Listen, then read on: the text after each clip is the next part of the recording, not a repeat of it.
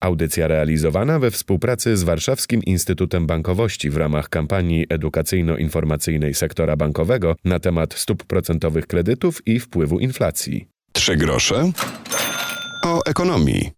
Dzień dobry, Piotr Topuliński. W dzisiejszej audycji rozmawiać będziemy o inflacji, tym bardziej, że trwa kampania Zrozumieć inflację i stopy procentowe. Często w internecie, w przekazach medialnych widzicie pojęcie rosnąca inflacja. Widzicie, jak sytuacja ekonomiczna wpływa na ceny w sklepach. Co się dzieje? Tłumaczyć nam to będzie Monika Kurtek, główna ekonomistka Banku Pocztowego. Dzień dobry. Dzień dobry Państwu. To zacznę od prostego pytania. Co się dzieje? Rosną nam ceny towarów i usług. Obserwujemy to w zasadzie chyba każdy z nas, idąc e, do sklepu czy e, potrzebując jakiejś, jakiejś usługi, e, no płacimy więcej. Płacimy niestety w ostatnim czasie z miesiąca na miesiąc coraz więcej. Czyli mamy inflację. Ta inflacja pojawiła się, no nie w ostatnim czasie, pojawiła się praktycznie już przed wybuchem pandemii.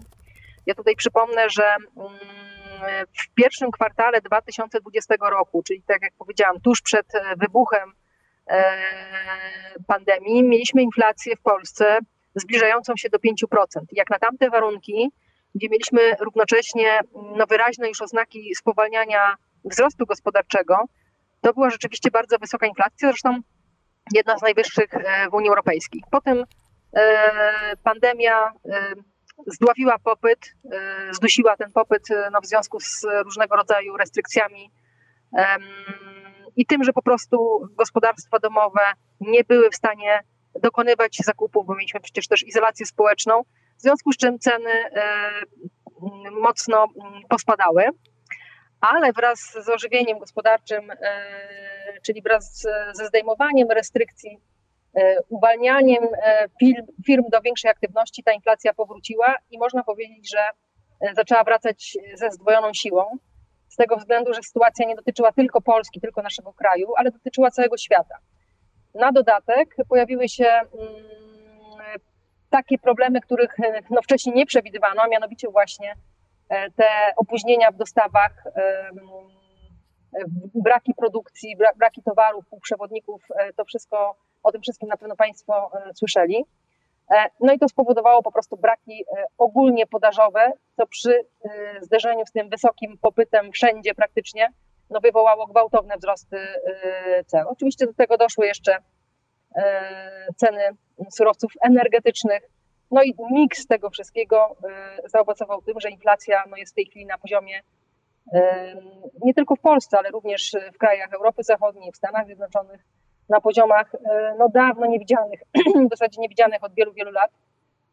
No i e, rozpoczęła się walka z tą inflacją. Tak? Czyli, no, gdy widzimy no, dane 9,2%, to jest styczeń 2022 rok i inflacja roczna i m, mm, ostatnie dane GUS-u i największe od e, dwudziestu kilku lat skoki miesiąc do miesiąca, e, to niektórzy nasi słuchacze w 98 roku to jeszcze ich nie było na świecie.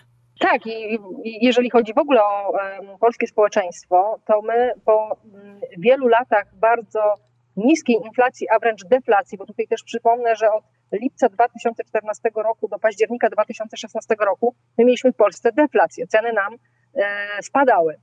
E, więc pojawienie się tej inflacji jeszcze w tak e, szybkim tempie, nabierającej tak szybko takiego rozmachu, no spowodowało, że ludzie w ogóle co niektórzy naprawdę doznali pewnego szoku, dlatego że o tej inflacji jakby zapomnieli, zapomnieli o tym, że, że istnieje takie zjawisko. E, no ale niemniej jednak stało się ona faktem. Tak jak powiedziałam, jest to zjawisko w tej chwili globalne i do akcji e, no, musiały wkroczyć banki centralne po to, e, aby tą inflację próbować zbijać do niższych poziomów. Ja przypomnę, że w Polsce tym głównym organem odpowiedzialnym za mm, stabilizację tutaj inflacji jest Narodowy Bank Polski, a w szczególności Rada Polityki Pieniężnej. E, to ona ma narzędzia do tego, żeby właśnie mm, tą polityką monetarną e, sterować i przez to również wpływać na właśnie poziom e, inflacji. I ten cel Narodowego Banku Polskiego, Rady Polityki Pieniężnej to jest 2,5%, a my w tej chwili. To jesteśmy daleko od tego celu.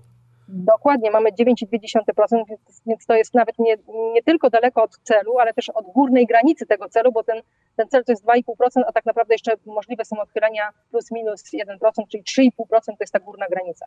I my jesteśmy bardzo daleko od tej górnej granicy rosną nam stopy procentowe, co ma obniżyć inflację, czyli e, w ramach cudzysłów cierpień niektórych płacących kredyty hipoteczne na przykład, w imieniu ich walczyć będziemy z inflacją, byśmy wszyscy mniej płacili w sklepach. Czy to można tak wyjaśniać, łączyć? No można w taki uproszczony sposób rzeczywiście yy w ten sposób mówić. Rada Polityki Pieniężnej podwyższając e, koszt pieniądza, podwyższając stopy procentowe powoduje, że mniej osób na przykład e, stać na e, kredyty, czy to hipoteczne, czy kredyty konsumpcyjne. Po, po, drugiej stronie są te osoby, które już takie kredyty wcześniej zaciągnęły, gdzie rosną im raty, a więc też więcej środków ze swoich budżetów domowych muszą przeznaczać na spłaty rat tych kredytów a więc tym samym no, muszą zrezygnować z zakupów innych towarów czy usług i w ten sposób, e, ponieważ zjawisko no, dotyczy dużej e, liczby osób, e, zazwyczaj w gospodarce, no, powoduje to, że ten popyt w gospodarce zaczyna się zmniejszać. I również te osoby, które takich kredytów nie posiadają, no, przy wysokich cenach również zaczynają w którymś momencie ograniczać po prostu swoje wydatki. I teraz spadek tego popytu w gospodarce, bo to też dotyczy inwestycji, na przykład przedsiębiorstwa e, w obliczu wysokiej inflacji, rosnących stóp procentowych, również zaczynają ograniczać swoją aktywność inwestycyjną.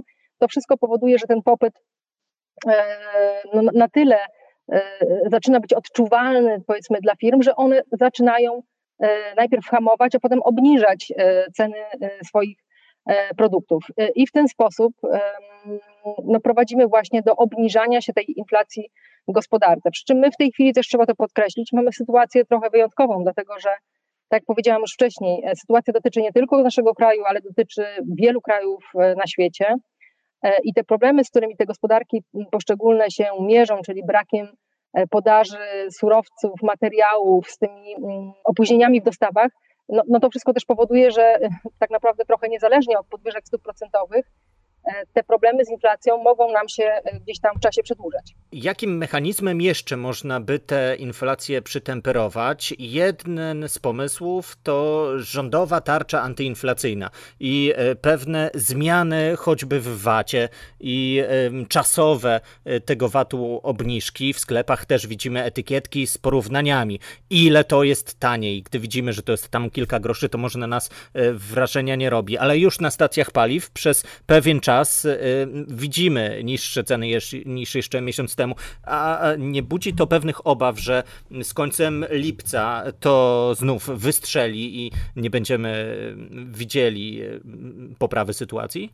No właśnie, ja bym tutaj podkreśliła to, że tarcze antyinflacyjne, te, które już zostały e, ogłoszone, które weszły w życie, one nie są narzędziem do walki z inflacją. One nam czasowo tą inflację obniżają z tego względu, że obniżają po prostu ceny niektórych e, prawda, towarów, e, no, tak jak tutaj w przypadku tych tarcz, to są ceny paliw, czy na przykład ceny żywności.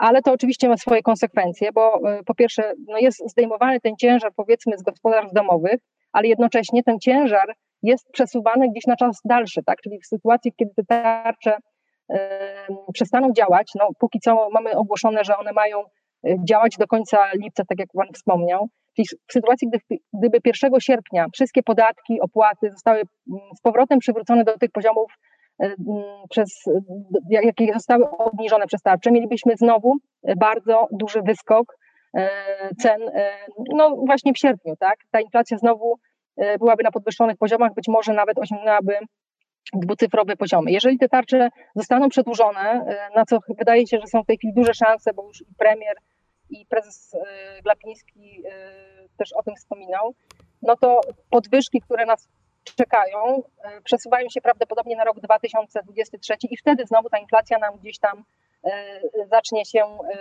podwyższać, no bo zaczną rosnąć ceny paliw na stacjach czy ceny żywności. Także, tak jak powiedziałam, tarcza nie jest narzędziem do walki z inflacją. Tarcza, tarcza chwilowo, może czasowo, tak, tak to lepiej zabrzmi, zdejmuje ten ciężar z gospodarstw domowych czy firm, ale to trzeba podkreślić, że to jest właśnie czasowe. Szukamy sposobów na e, zwalczenie inflacji. E, to od razu też w nawiasie dam pytanie, czy powinniśmy zwalczać inflację do zera? To jest jedno pytanie, które zostawmy w zakładce. Jeden z pomysłów to zamrożenie oprocentowania kredytów na 3 lata. Tu wraca nam omawiano ostatnio też w audycji pojęcie e, WIBOR i jest to pomysł bodajże Platformy Obywatelskiej i zapożyczony z Węgier. Prezes NBP odpowiada, że zamrożenie wyboru utrudniłoby tę walkę z inflacją. Jak jest? No to może zacznijmy od tego, że mm, zerowa inflacja nie jest dobra dla gospodarki, tak samo jak nie jest dobra dla gospodarki deflacja. E, stąd właśnie są te różnego rodzaju w różnych krajach cele inflacyjne, tak zwane, e, z jakimś tam przedziałem odchyleń, e, szacowane, mm, badane i ostatecznie uzgodnione jako optymalne właśnie dla gospodarki. Tak jak powiedziałam, w Polsce to jest to 2,5% E, z tym odchyleniem plus minus 1%. E, I do takiego celu powinna dążyć Rada Polityki Pieniężnej, przynajmniej u nas w kraju, tak? czyli taki byśmy chcieli mieć docelowo i długookresowo poziom inflacji. Oczywiście jest to, e, jest to bardzo trudne.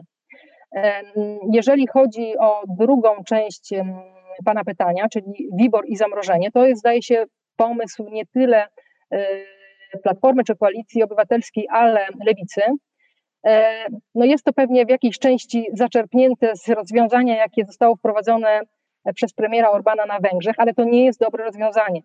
E, zamrażanie, mm, takie sztuczne e, tych stawek, to WIBOR jest, czy w ogóle WIBORy są stawkami na rynku międzybankowym, czyli są to stawki, po jakich banki pożyczają sobie na określony czas pieniądze. E, no jest po prostu ręcznym sterowaniem i w sytuacji, kiedy stopy procentowe byłyby podnoszone przez Narodowy Bank Polski, a ten WIBOR zostałby zamrożony na jakimś określonym nis, niższym poziomie niż e, w danym momencie ta stopa procentowa wynosi, bo została podwyższona, to e, tak naprawdę Rada Polityki Pieniężnej ma utrudniony po prostu ma utrudnione to swoje zdanie, czyli nie jest w stanie tak naprawdę tymi podwyżkami stóp procentowych walczyć z inflacją, więc na pewno nie jest to y, dobre rozwiązanie. No, prawda jest taka, że podwyżki stóp procentowych właśnie mają na celu to, co powiedziałam, ograniczanie akcji kredytowej, w pewien sposób duszenie popytu w gospodarce i to ma doprowadzić do właśnie zbicia tej inflacji. Na koniec naszej rozmowy chcę zapytać, co ma zrobić dwudziestoletni słuchacz, który słyszy o tych mm, ekonomicznych różnych dyskusjach, słupkach, statystykach, danych, które mm, niepokojem powiedzmy napawają. E, co powie ekspert? Należy to przeczekać, e, gromadzić gotówkę, oszczędzać. Co zrobić? Tak, zdecydowanie e, no, okresy podwyższonej inflacji czy deflacji to są zazwyczaj jakiegoś rodzaju właśnie okresy. Tak? My liczymy na to, że y, tą wysoką inflacją, z którą się w tej chwili borykamy, no będziemy mieli do czynienia na pewno jeszcze przez ten rok. W przyszłym roku ona powinna znajdować się już na niższych poziomach, biorąc pod uwagę to, ile Rada Polityki Pieniężnej już podwyższyła stopy procentowe i dalej będzie jeszcze podwyższać, bo takie są przewidywania. I gdzieś w 2024 roku my powinniśmy wracać już do no, jakiejś normalności. Oczywiście przy założeniu, że ta sytuacja pandemiczna na przykład znowu się jakoś nie zacznie pogarszać i nie wystąpią w ogóle jeszcze jakieś inne czynniki, no chociażby tutaj ten konflikt między Rosją a Ukrainą, e, które mogą spowodować znowu jakieś gwałtowne pogorszenie sytuacji. Kiedy mamy wysoką inflację, inflację co robić? No możemy, powinniśmy przede wszystkim oszczędzać tak na tyle, na ile nam się to udaje jakby licząc też na to, że właśnie mm, ta inflacja no, w końcu spadnie, te ceny będą niższe i też będziemy mogli wtedy e, za te posiadane środki po prostu więcej kupić. Główna ekonomistka Banku Pocztowego Monika Kurtek, dziękuję za te wskazówki, za te wyjaśnienia, za to spotkanie. Dziękuję bardzo.